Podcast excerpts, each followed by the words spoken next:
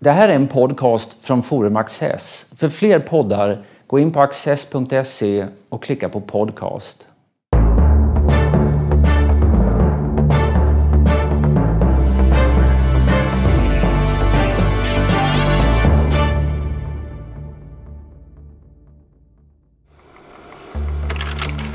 Rudyard Kipling fick tidigt stor litterär framgång med verk i flera genrer. Poesi, noveller, romaner, reseberättelser. Redan vid 41 års ålder erhöll han det då ganska nyinstiftade Nobelpriset i litteratur. Eftervärlden har inte alltid varit lika entusiastisk som de Aderton i Gamla stan.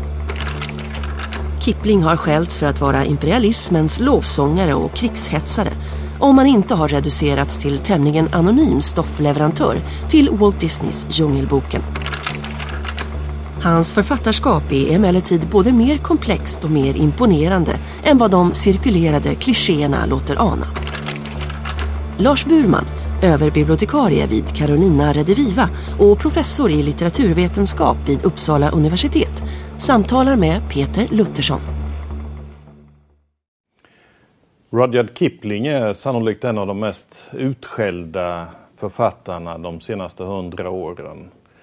Ehm, det där eh, kom ju sig, skulle jag vilja säga, huvudsakligen av saker han skrev i sin poesi. Ja, kanske. Jag är inte helt säker på det. Han är också oerhört beundrad för sin poesi. Men det är klart att det finns väldigt mycket dubiöst i det han skrev. Det måste man ju säga.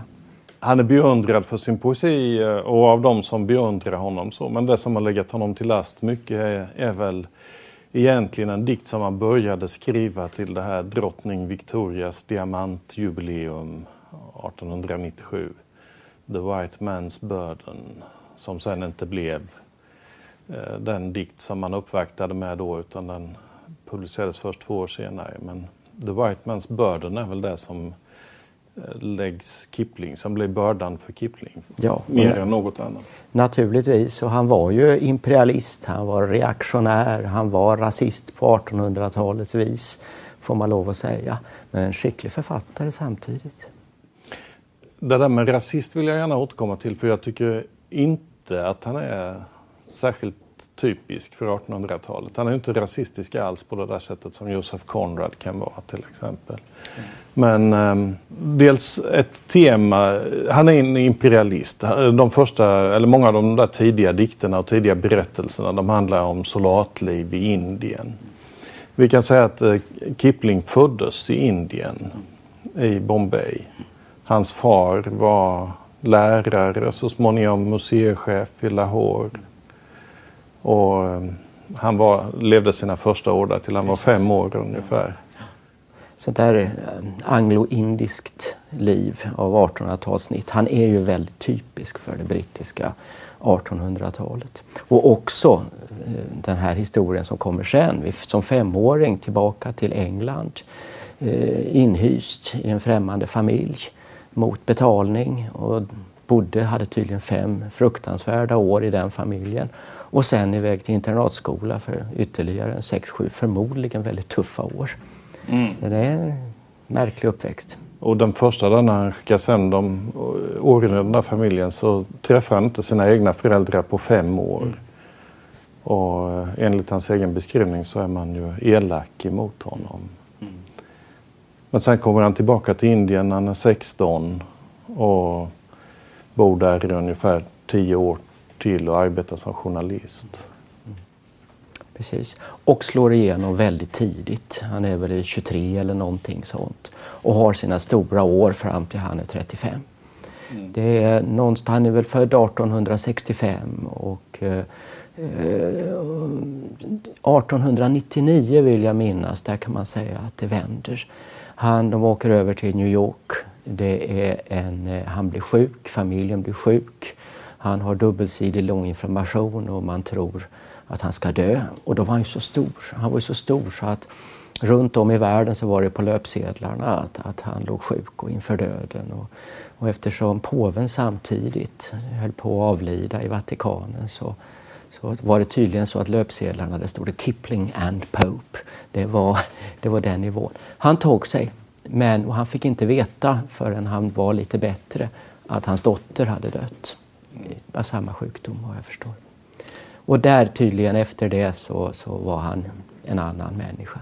Han blev en bitter man, skrev hans...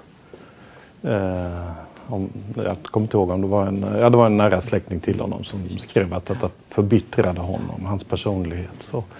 Och den här dottern, eh, det som han sen publicerar som i och för sig är som där älskade verk, just så historierna som kommer några år senare, de är ju vända till denna, denna dotter, Josefin, eh, som är eh, ja, den som blir den fiktiva lyssnaren på de här historierna. Om jag minns så kallas hon Best Beloved hela tiden. Just det. Berättaren vänder sig till Best Beloved. Så. Och det språket i den, i de där just så-historierna är ju fantastiskt. Det är ett nytt sätt att skriva till barn. Han, överhuvudtaget verkar han ju ha varit väldigt eh, nära sina barn. Han eh, lekte med dem, han eh, sportade med dem, han spelade teater med dem, han läste, läste för dem. Eh, och han brevväxlade med dem. Hans eh, brevväxling med barnen finns eh, utgiven och är en sån där imponerande bok av relation mellan förälder och barn. Tycker jag. Jag skulle nästan säga att en del av, av hans gåta det var väl att han var barnslig själv på något märkligt sätt. Det finns någonting oerhört eh, ska vi säga, grundläggande barn hos honom. Ja, och, och vad jag tycker också det är att han saknar, eh, i den kulturvärlden, den intellektuella världen, så finns det så mycket av eh, eh fåfänga och smartness och eh, etikett. Ingenting av det där passar eh, på Kipling. Och, och han, eh, eh han, när han kommer, han bor, han, efter att han har bott i Indien så bor han i USA en period. Där kan han känna sig engelsk i USA. Han är mycket anti-amerikansk. Eh, när han flyttar till England så har han eh, svårt att trivas, åtminstone i London, i de intellektuella kretsarna där eh, han känner sig helt främmande. Och kan inte riktigt definiera sig som engelsk utan just som angloengelsk. Eller anglo-indisk. Eh, och, och, eh, och han eh, talar om att han är inte medborgare i Storbritannien utan det större Britannien. Det är imperiet som är hans hemland. Så jag tror att nyckelord det hos honom det är, det är hemlöshet och föräldralöshet på något vis återkommer det där hela tiden. Ett letande efter ett hem och eh, letande eh, på något vis efter eh, faders och föräldrafigurer. Och det är möjligt att imperiet blev något sorts idé om ett hem för honom. Och jag tror det var, om det var Ian Foster som, som beskrev just Kipling som, som två sidor, apropå det här med barn. Det är två sidor hos honom. Det ena det är Kim från romanen Kim. Då. Hela världens lille vän, den gossen där. Men den andra Kipling, det var, det var också en gosse men en högfärdig och hånleende eh, liten gosse. Och då är det kanske den här allt mer hårdnande eh, åldrande mannen efter 35 då som uppenbarligen anklagas av hela det litterära och andra delar av etablissemanget för att allt mer bli en reaktionär som går allt för mycket i, eh, i imperiets, imperieideologins ledband. Det är uppenbart att han, eh, att han misstros av den intellektuella eliten, han misstros av liberalerna. Men misstron är ju ömsesidig. Och om man försöker se det med Kiplings ögon så tycker väl han att det är den intellektuella eliten och liberalerna som sviker imperiets sak genom att man... Eh, han tycker att centrum sviker periferin. Mm. Genom att inte eh, upprätthålla imperiet, se till att samma lagar tillämpas överallt, att eh, ordning råder. Utan att det finns områden där ute som är öppna för maktmissbruk. Och han är väl en typisk 1800-tals idealist som tror att det finns eller vill tro att det finns värden som är absolut väsentliga och att han och, och hans eh, gelikar är satta lätta att så att säga försvara de här värdena, fostran, att ta ansvar för civilisationen i världen och säga hur det ska vara.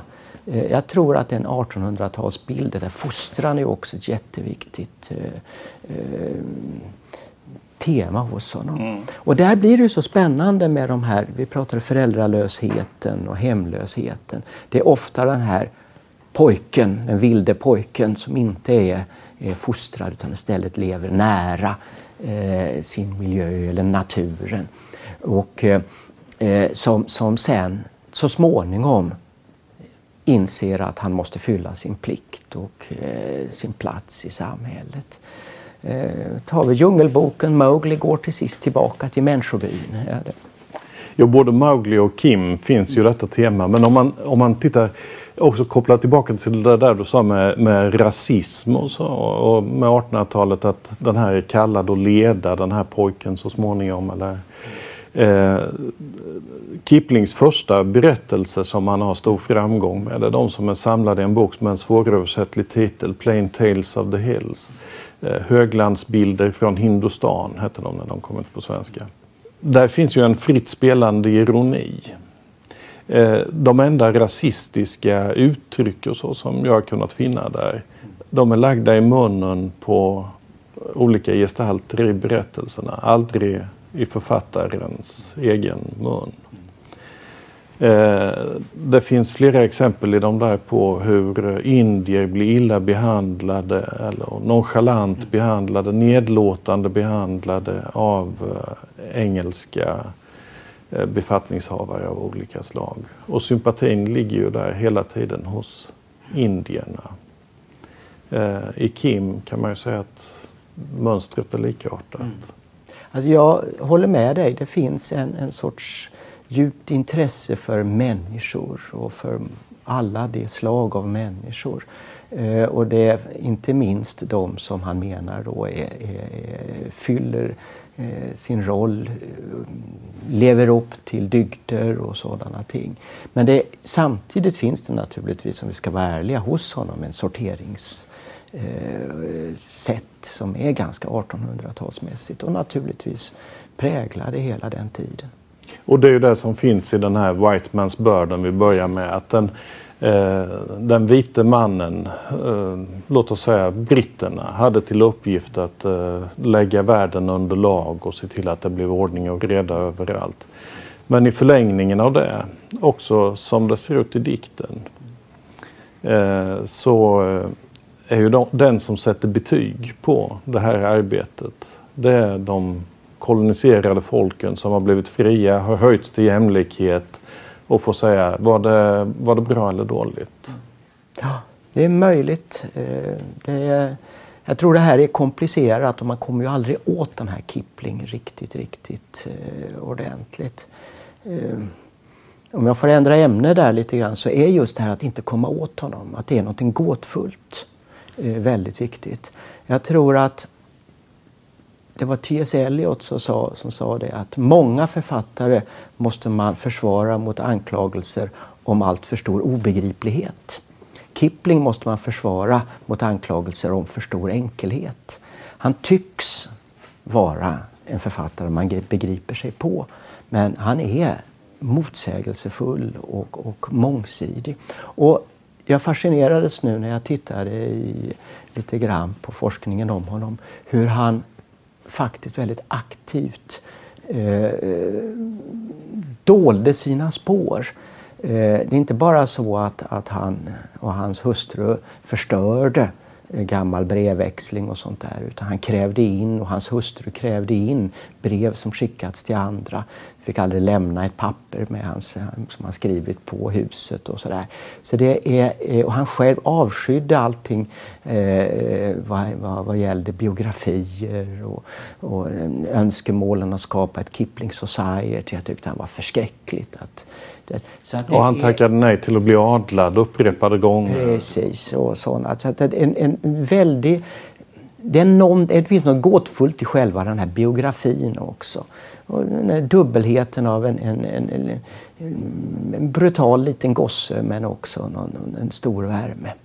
Den brutala gossen tycker jag jag ser lite av i verken men äh, säkert, äh, ja, det kanske finns också. Uppenbarligen retade han upp väldigt många människor i sin omgivning i alla fall.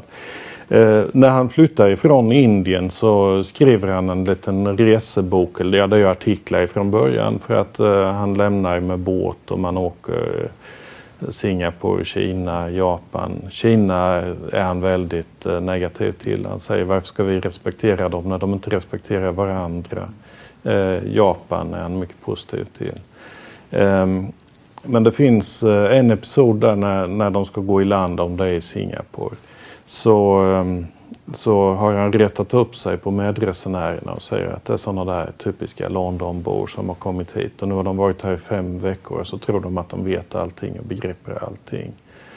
Eh, medan eh, när han går i land och så ramlar han omkull och ramlar i armarna på en sik som han då genast blev god vän med och skrev om hur oerhört skönt han tyckte att träffa någon hemifrån som han kunde prata med mm. på ett vettigt och riktigt sätt. Och så. Eh, jag tror den där misstron mot att lämna spår efter sig, det är också en stark misstro mot det historieskrivande London centrum mm. som eh, han hela tiden är oerhört antagonistisk emot. Och han bodde ju ute på landsbygden också. Mm. Det är långt ifrån storstan. Jag tror du har rätt i det där.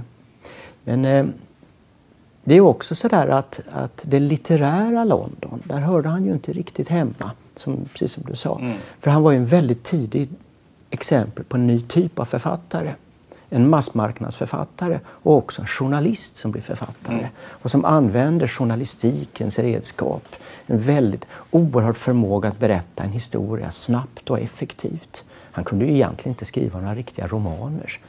Kim, ja, det, är Kim. det är det ja. lysande undantaget. Jo, det. Och det är också det en roman som inte riktigt, riktigt hänger ihop om man begär det av en roman. Men annars är det, det noveller, det korta stycken som, som mm. liksom nästan journalistiskt fångar en känsla, en upplevelse, rappt berättande. Man ser framför sig vad som beskrivs. Och så är ju Djungelboken också.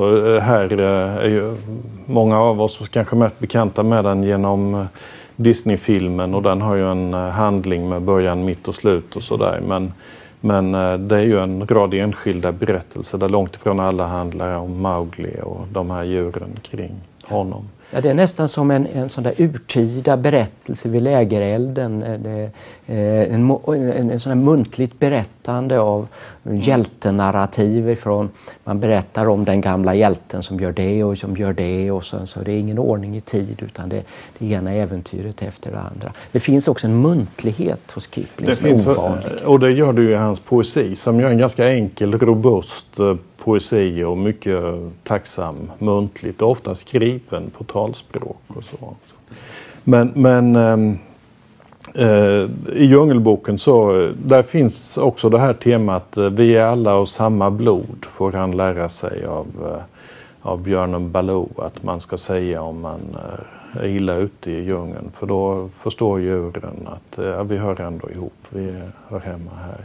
Men det är en identitetsproblematik. Det är en människa som hamnar i djungeln. Han växer upp bland vargar. Han kallas grodan. Eh, han har svårt att veta vad han är, djur eller människa och i så fall vilket djur. Och det påminner ju också om, om Kim. Kim talar flera gånger med en man som heter Mahbub Ali.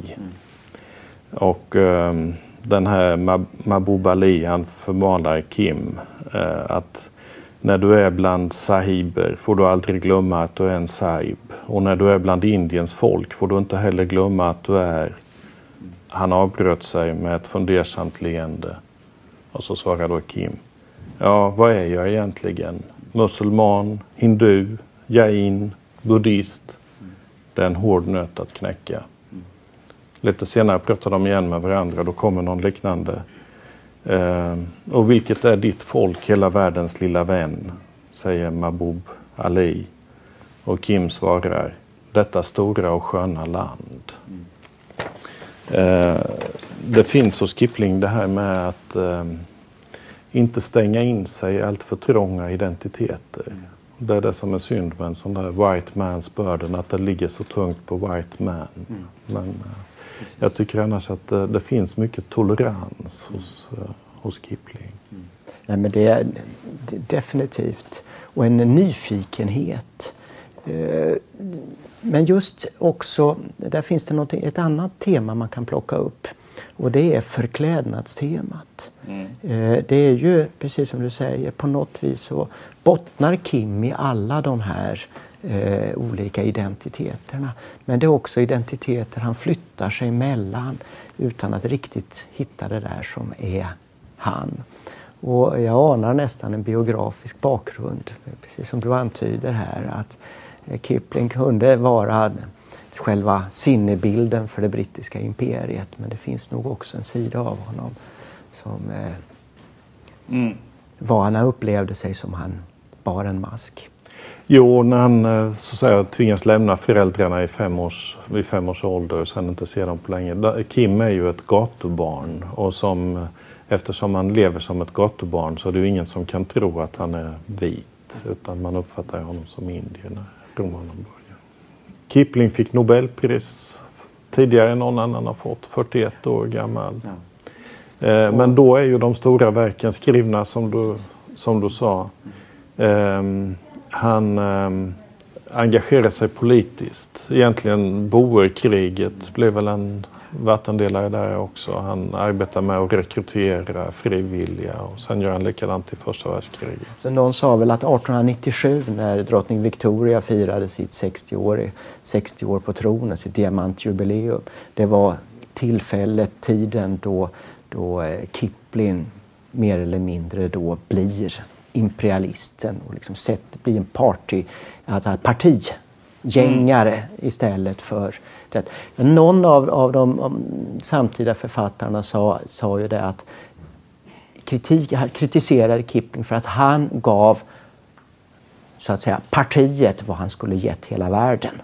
Alltså han blev en politisk diktare av konservativt snitt istället för en författare som skulle erbjuda Ja, för, hon, för honom med, med, den där identifikationen som anglo-indier ja. och det större Britannien och så. Så är det klart att misstron emot liberalerna kommer att bli väldigt starkt präglande för honom. Han, eh, de kommer släppa iväg imperiet och det var ju det som var hans hem. Sådär. Och alltså det, tittar man på hans liv så, så efter då eh, 90-talet, han har sin storhetstid, eh, dottern dog. Några år senare kommer första världskriget, den stora katastrofen. 20-talet, eh, fascismen och nazismen som, eh, som alltså Kipling tar starkt avstånd ifrån. Han måste ju verkligen ha upplevt sig som om, med, med hans utgångspunkter som civilisationen håller på att bryta samman. Och sen när han dör då 1936, det måste ju vara i en tid när han, han ser att allt, allt den där världen som han trodde på och civilisationen och dygderna och vad du vill så alldeles, alldeles säkert.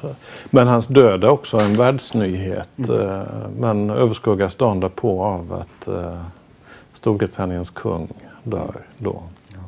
Och eh, när han fick Nobelpriset eh, 1907 det var ju precis eh, några dagar efter Oscar den andra dog. Ja, det var det, okay. Så att det var, eh, det, var ing, det, var, det, var, det var inte så mycket festande utan hela Stockholm var i sorgskrud och eh, eh, svarta vagnar och allting. Mm. Och på något vis så, så kan man väl säga att det där är eh, den oskarianska tiden tog slut. Och var Kipling hörde ju, han var ju viktorian, han hörde till den viktorianska tiden. Så på något vis så är, är han en sån där diktare vid slutet av en epok. Mm.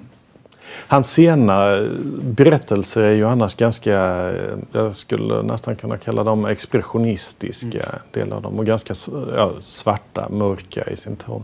Då har han drabbats av ytterligare en personlig katastrof under första världskriget. Just det, sonen dog ju 1915, 18 år gammal. Mm. Som så många. Han, eh, och han anmäldes försvunnen och man hade inte hittat kroppen. Det råder väl inget tvivel om att han var död men, eh, men kroppen var borta och Kipling engagerade sig sen starkt eh, för denna myndighet som arbetade med att identifiera och leta reda på kroppar. Och detta var då mannen som hade skrivit på 80 och 90-talen de här eh, frejdiga porträtten av, av soldattyper, officerstyper som, som eh, runt om i världen eh, upplever äventyr och med, med geväret i hand försöker att sprida någon sorts civilisation. Det måste ha varit ögonblick av väldigt svår självrannsakan i detta också, tänker jag mig. Churchill eh, skrev ju om likartade upp, upplevelser i min ungdom där han, eh, där han säger att för vår generation det var ingen som kunde tänka sig att krig kunde vara någonting annat än, eh, än ett äventyr. Mm. Men demokratin och tekniken förstörde allting. Eh, med eh, första världskriget. Att man, demokratin i betydelsen att krig blev en, allmänhet för hela en angelägenhet för hela befolkningen och, och masslakter och så här. Och det är, eh, Kipling skrev ju ett antal dikter i anslutning till första världskriget som skiljer sig väldigt, väldigt mycket ifrån eh, det han hade skrivit tidigare som verkligen fångar då den här, den här mänskliga katastrofen. Mm. Och det har ju kommit fram fler sådana dikter nu alldeles uh, här i början av 2000-talet. Så att, uh, det är ju ett inslag i hans författarskap. Det finns också sådana noveller. Min favoritnovell är en som heter Mary Postgate som mm. Mm. handlar om en tysk pilot som har störtat i en engelsk by sonen, sonens lik kan vi också säga. Det identifierades 1992. Det säger någonting om de där erfarenheterna i länder som har varit mycket drabbade av krig. Mm. Att man fortfarande håller på att lägga pussel eh, nästan hundra år senare. I år är det hundra år sedan mm. första världskriget bröt ut. Och då började ju Kipling åter att eh, eh, försöka rekrytera soldater och skrev sådana där mm. dikter som eh, talade om att nu måste man eh, ställa sig upp och försvara allt vi tror på för att hunnorna är vid dörren. Precis, och det fruktansvärda är ju att han knappast trodde, varken han eller hans hustru trodde att sonen skulle återvända. Mm. Och han dör första gången han är i strid. Det finns ett eh, otroligt rörande brev ifrån honom hem till föräldrarna skrivna kvällen innan han stupar. Tack Lars.